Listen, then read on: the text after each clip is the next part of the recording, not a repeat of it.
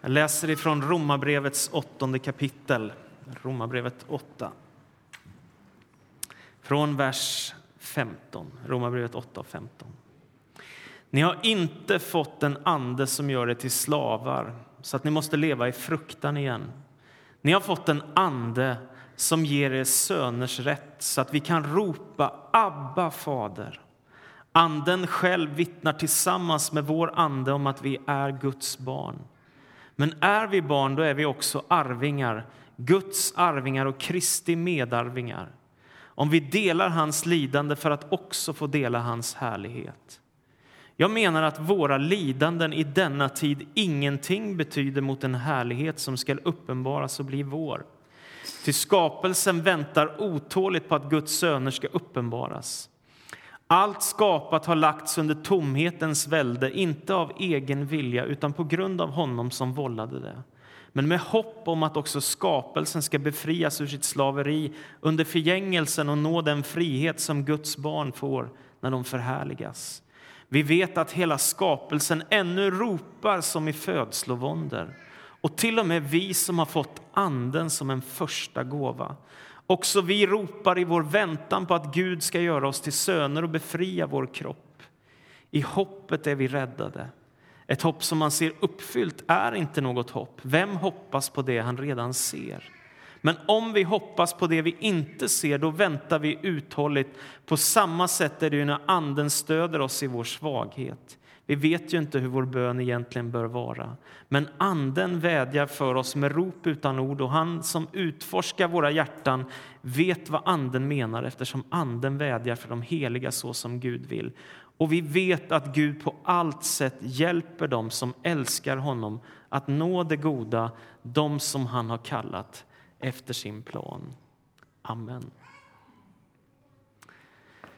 När man går till början av Bibeln så inleds den oerhört dramatiskt och majestätiskt med en total självklarhet. I begynnelsen skapade Gud himmel och jord. Där börjar allting. Och Det betyder att precis allting i vår tillvaro ställs i relation till Gud. Ingenting kan existera utan att Gud existerar.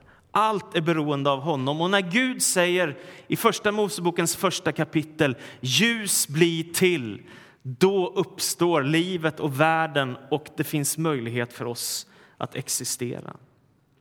När man läser skapelseberättelsen så kan man se väldigt tydligt att centrum är Gud själv. 30 gånger står det Gud sa, Gud såg, Gud kallade, Gud välsignade, Gud fullbordade. Mer än 30 gånger. Och då tänker jag att vad är skapelseberättelsens poäng?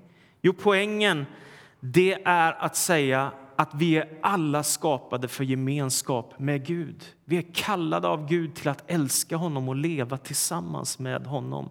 Ingenting kan existera utan att han existerar. Han är centrum i tillvaron. Därför är det så fel när man säger att människan är allting smått. Det är precis tvärtom. Det är Gud som är utgångspunkten för hela tillvaron. Utan honom kan inget existera. Därför tänker jag också så här i början, I början när jag läste första Mosebokens första kapitel så tänkte jag väldigt mycket okej, okay, det här var hur lång tid det tog för Gud att skapa och så här lång tid sen måste det ha varit så. Och de frågorna har blivit mindre och mindre viktiga för mig. Det finns ju så många teorier och tolkningar om detta. Däremot har jag sett att skapelseberättelsen är uppbyggd som en judisk vecka med sabbaten som höjdpunkt. Är ni med? Och för judarna var det så att man gick genom veckan dag efter dag och sen så kom sabbaten och på sabbaten så hade man extra tid för Gud och man avskilde tid för att fira gudstjänst och be och läsa ordet och vara tillsammans som Guds folk och lovsjunga honom. Och tänka, det är det här skapelseberättelsen handlar om. Att vi finns för att Gud finns, att han älskar oss och att han har kallat på oss till gemenskap med sig själv. Syftet med Första Mosebokens första kapitel är ju inte att ge en lång naturvetenskaplig beskrivning på hur universum har uppkommit. Vi har bara ett och ett halvt kapitel, sen tar det slut. Och sen handlar det om Abraham och Sara och Noa och Rebecka och allt vad de heter i 48 och ett halvt kapitel. Och Adam och Eva också förstås. Är ni med? Vad är poängen? Poängen är att säga vi finns här för att Gud älskar oss och för att han har kallat på oss och vill gemenskap med oss. Det stora är inte att göra en lång naturvetenskaplig inledning på första kapitlet och andra kapitlet i Första Mosebok, utan det är att säga Gud har skapat dig till gemenskap med sig själv. Sen finns det ett fel, och det är det man upptäcker när man läser Romarbrevet. För Paulus talar om skapelsen i Romarbrevets åttonde kapitel. Och då säger han där helt plötsligt, vi vet att hela skapelsen ännu ropar som i födslovåndor. Och jag tycker om det här. I den här texten som jag läste i Romarbrevet 8 finns det fyra rop.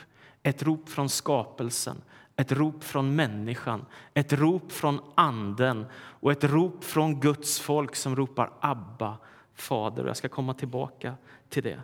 Det första ropet kommer ifrån skapelsen som är som i födslovåndor. Vad betyder det? Jo, det handlar om att det är precis som en kvinna som väntar på att föda sitt barn och som av smärta får ropa ut sin vånda. Varför är det så? Hur kan det vara så att i den här sköna, vackra världen som Gud har skapat så finns det så mycket ondska och lidande? Varför är det både och? Varför är det inte bara gott när Gud har skapat världen? Då säger Paulus i den 20 versen i Romarbrevets åttonde kapitel allt har lagts under tomhetens välde. Jag tycker det är det bästa sättet att beskriva syndafallet som man kan göra. Vad gör synden med människor? Det skapar tomhet, meningslöshet, identitetssökande liksom förvirring. Man vet inte vad man ska göra. Mänskligheten kommer ur kurs, tillvaron brister och det otäcka är att alla människor drabbas. Synden kan verka lockande, ändå är det den djupaste förnedring som en människa drabbas av. När hon vänder sig bort emot sin skapare och vänder sig bort ifrån sitt ursprung då bryts relationen med Gud sönder och skapelsen hamnar i kaos. Och skapelsen måste ropa som i födslovåndor på att en dag få bli befriad och att Gud ska fullborda sitt verk. Så står det också i Romarbrevets tredje kapitel. Alla har syndat och gått miste om härligheten ifrån Gud.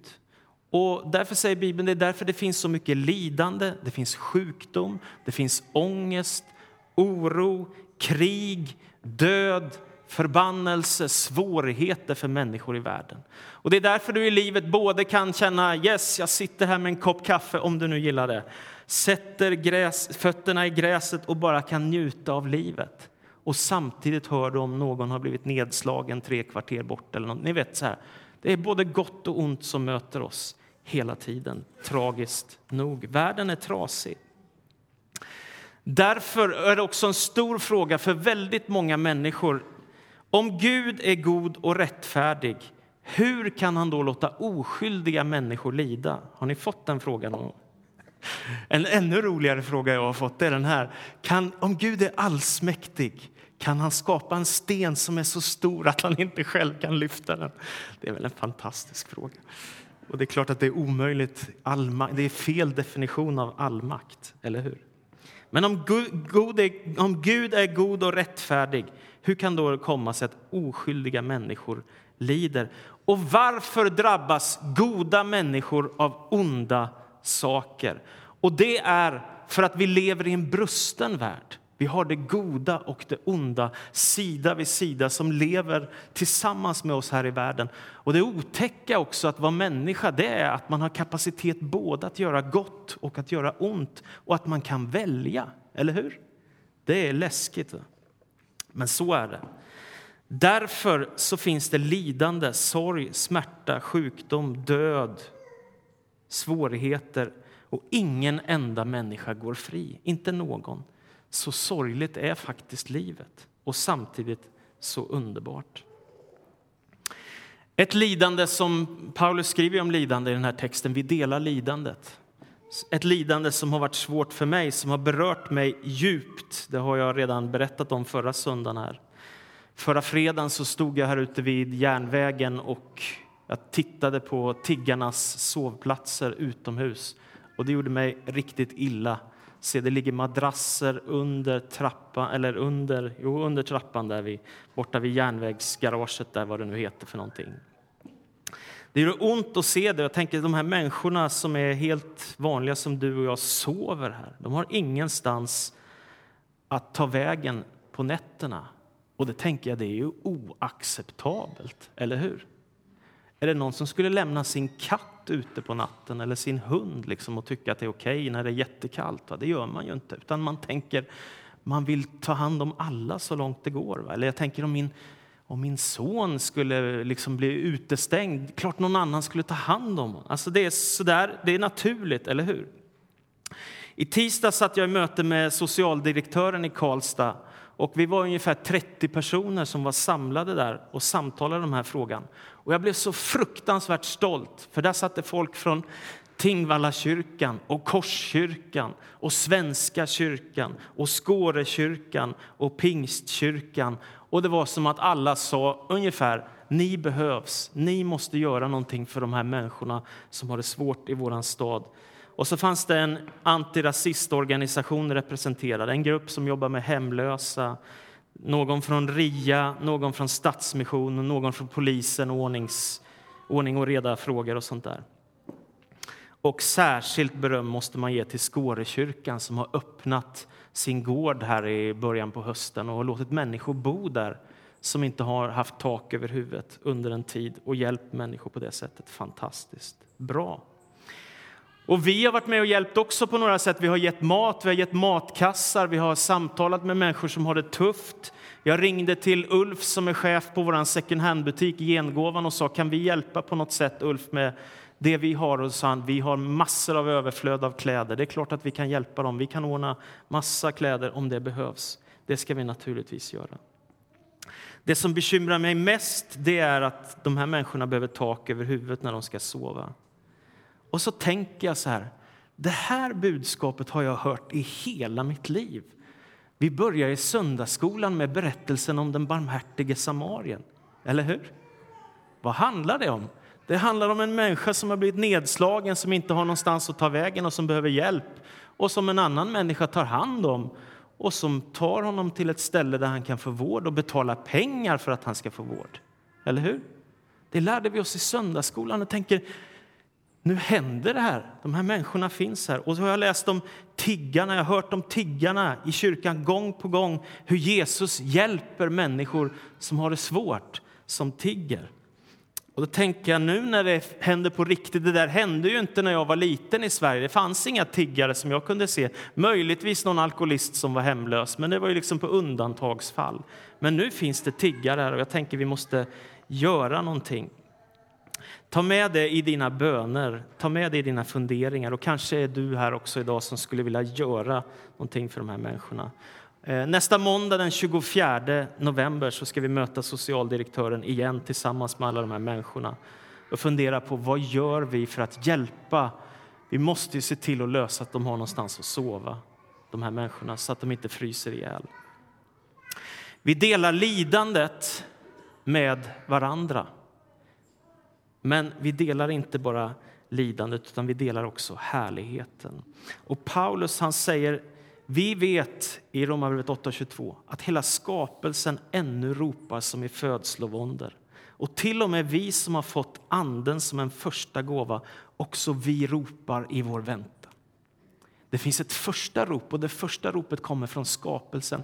Gud, när ska du fullborda ditt verk? När ska vi få se den här nya himlen, den nya jorden? När ska ondskan besegras? När ska alla människor få se att Jesus Kristus är Herre? När ska alla böja knä? När ska du uppenbara dig? När kommer Jesus tillbaka? Skapelsen ropar och längtar efter den dagen då förgängligheten är borta.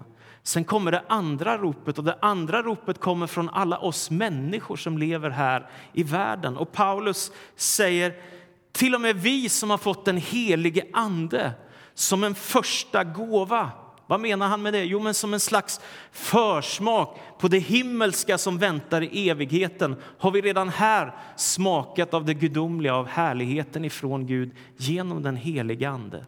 Så vad är Andens gåva? Jo, Andens gåva är försmak av evigheten som väntar oss hemma hos Gud. Och Paulus kommer igen med flera bilder. Han säger det är som ett sigill som har blivit stämplat på er eller det är som en borgen som har blivit betald för er eller som en pant som gör att du vet att det här kommer att fullbordas, det som Gud har förberett. Så på samma sätt som skapelsen ropar om befrielse så ropar vi ju också om befrielse. Vi längtar efter den dagen när Jesus kommer tillbaka när vi inte längre ska vara med om det att vänner som vi älskar dör. När vi inte längre ska vara med att få höra nu har din vän fått den här allvarliga diagnosen och är sjuk. När de ska, beskeden ska sluta komma. Vi ropar tillsammans med skapelsen i väntan på att Gud ska fullborda sitt verk i Jesus Kristus. Hela den här bibeltexten har Exodus, alltså uttåget ur Egypten, som bakgrund.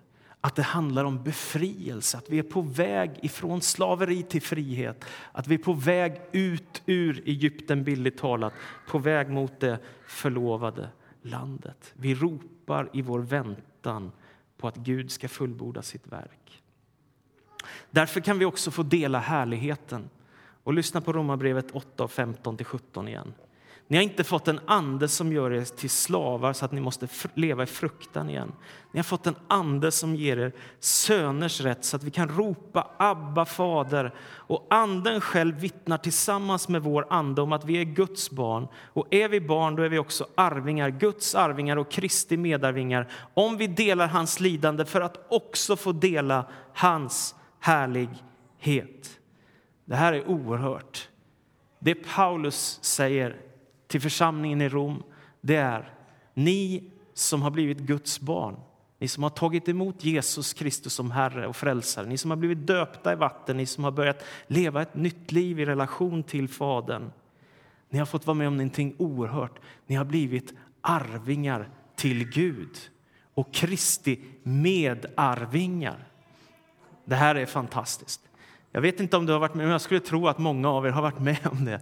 Alltså man är med om att någon i familjen får sluta sitt liv och så får man ett arv för att man tillhör familjen, eller hur? Alltså pappa går bort, eller mamma går bort, eller mormor eller någon och så bara för att du tillhör familjen så får du ta över kanske en tavla eller en soffa eller pengar eller någonting annat som kommer som ett arv till dig för att du tillhör släkten, du tillhör familjen, du är son eller dotter eller barnbarn. Och det är det som Paulus säger som har hänt med dig som ett Guds barn. Det att du har blivit inadopterad i Guds familj och så tillhör du nu hans familj, hans folk. Och då finns det ett arv för dig av himmelrikets välsignelser och kraft i ditt vardagsliv, men också i evighetsperspektivet. Ett liv som aldrig någonsin skall ta slut. Jag minns när jag var vid det tillfället i livet. Va? Det kan ju kännas fattigt att få ärva. När min pappa dog så fick jag en del saker så, som naturligtvis är värdefulla för mig. Inte för vad de kostar, utan mest för vad de betyder. Att det är liksom minnen från ett liv som inte längre finns kvar. Men skillnaden med arvet ifrån Gud det är ju att Gud behöver inte försvinna från oss för att vi ska få arvet, utan han finns kvar och han ger oss ett arv. Och så får vi ärva tillsammans med Kristus. Kristi medarvingar låter jättesvårt ord, men det betyder ju helt enkelt att Gud liksom drar oss upp och vi får tillsammans med Kristus ärva hela det rike som han har förberett för sitt folk och för hela världen, för alla som tror. Vi är släkt med Gud, helt enkelt. Vi är släkt med Kristus. Himmelrikets arv väntar på oss. Och så finns det en stark detalj här. Och det är det här att den helige Ande vittnar tillsammans med din egen ande som du har i ditt inre att du är ett barn till Gud. Som du ibland känner så här, jag kämpar med min tro, jag kämpar med tvivel och jag vet inte hur jag ska orka, klara eller vad det nu är. Så lyssna på rösten som finns som ljuder i ditt inre den helige Ande bekräftar gång på gång du är ett Guds barn, du är älskad, du tillhör mig. Du har fått en stämpel på ditt liv att du är ett, till, ett tempel för helig ande. Du tillhör Guds rike. Det är fantastiskt. Du behöver inte bara kämpa själv, du har någon som vittnar tillsammans med dig. Och då säger Paulus, då kan vi utbryta i en lovsång. Och så tar han till de här arameiska orden som finns i den här bibeltexten som låter Abba, Fader.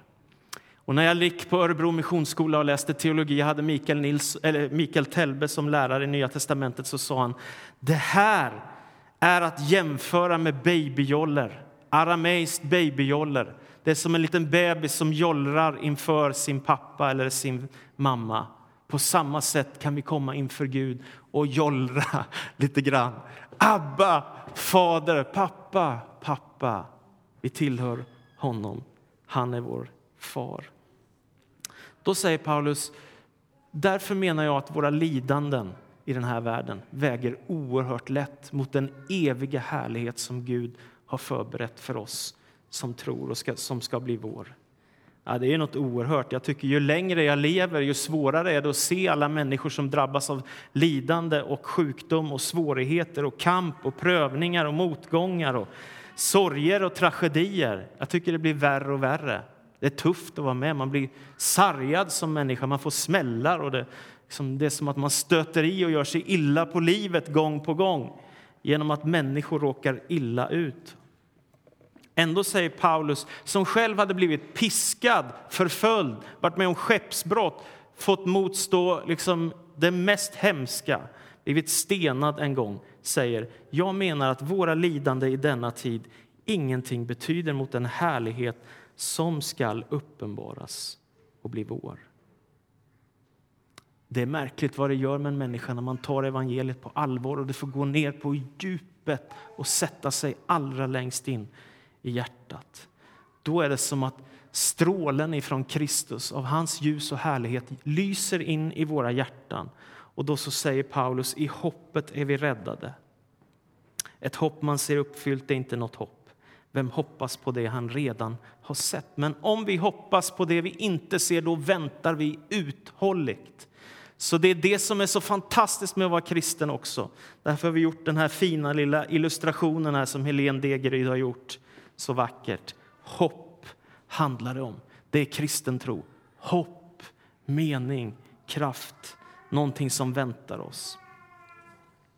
Gud har en plan för oss. Det går ett rop ifrån skapelsen för att den planen ska fullbordas, att den skall en gång för alla besvaras.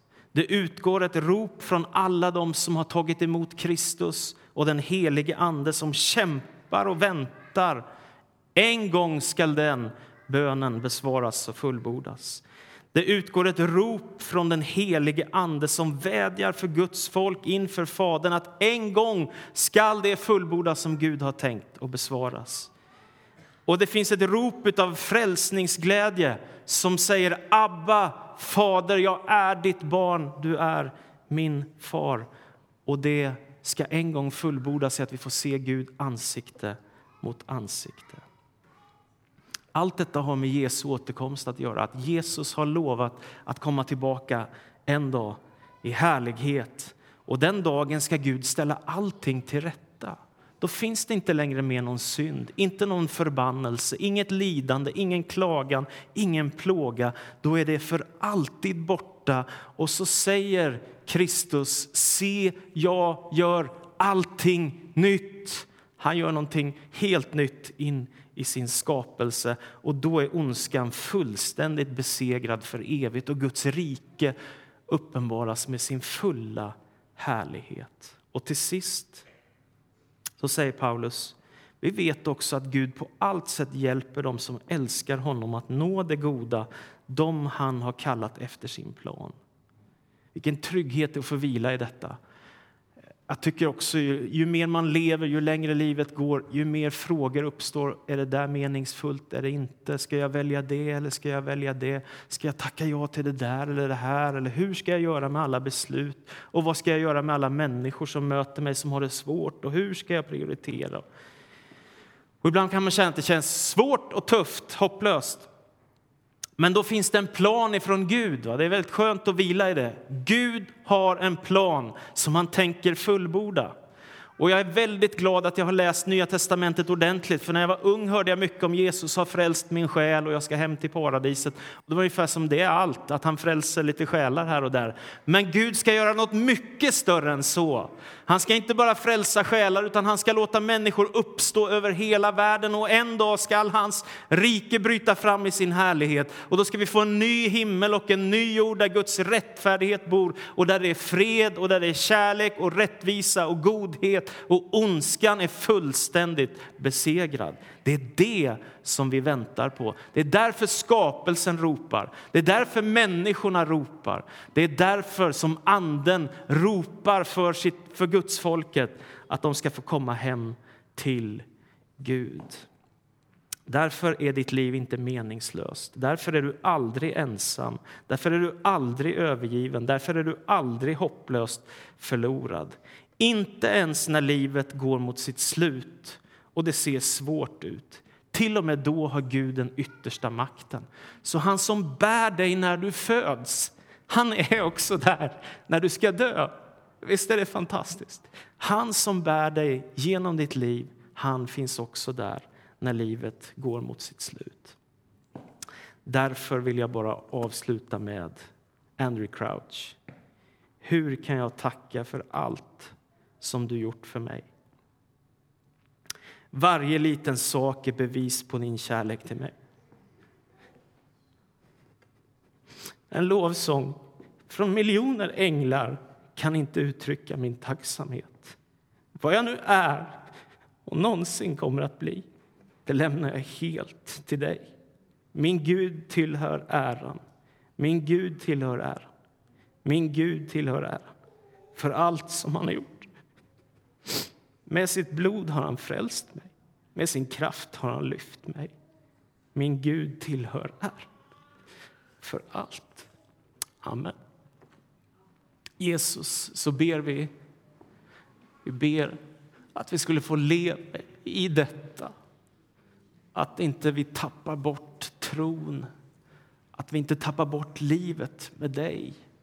Att vi inte sumpar det här livsloppet som du har gett gett oss. Att vi inte går vilse. Utan att du får använda oss där vi är och att du hjälper oss att älska människor och bygga din församling och vara trogna med alla våra brister och svagheter, att vi fullbordar vårt lopp. Det är vår bön och det är vår längtan. Hjälp oss, Jesus, du som är vår Herre. Amen.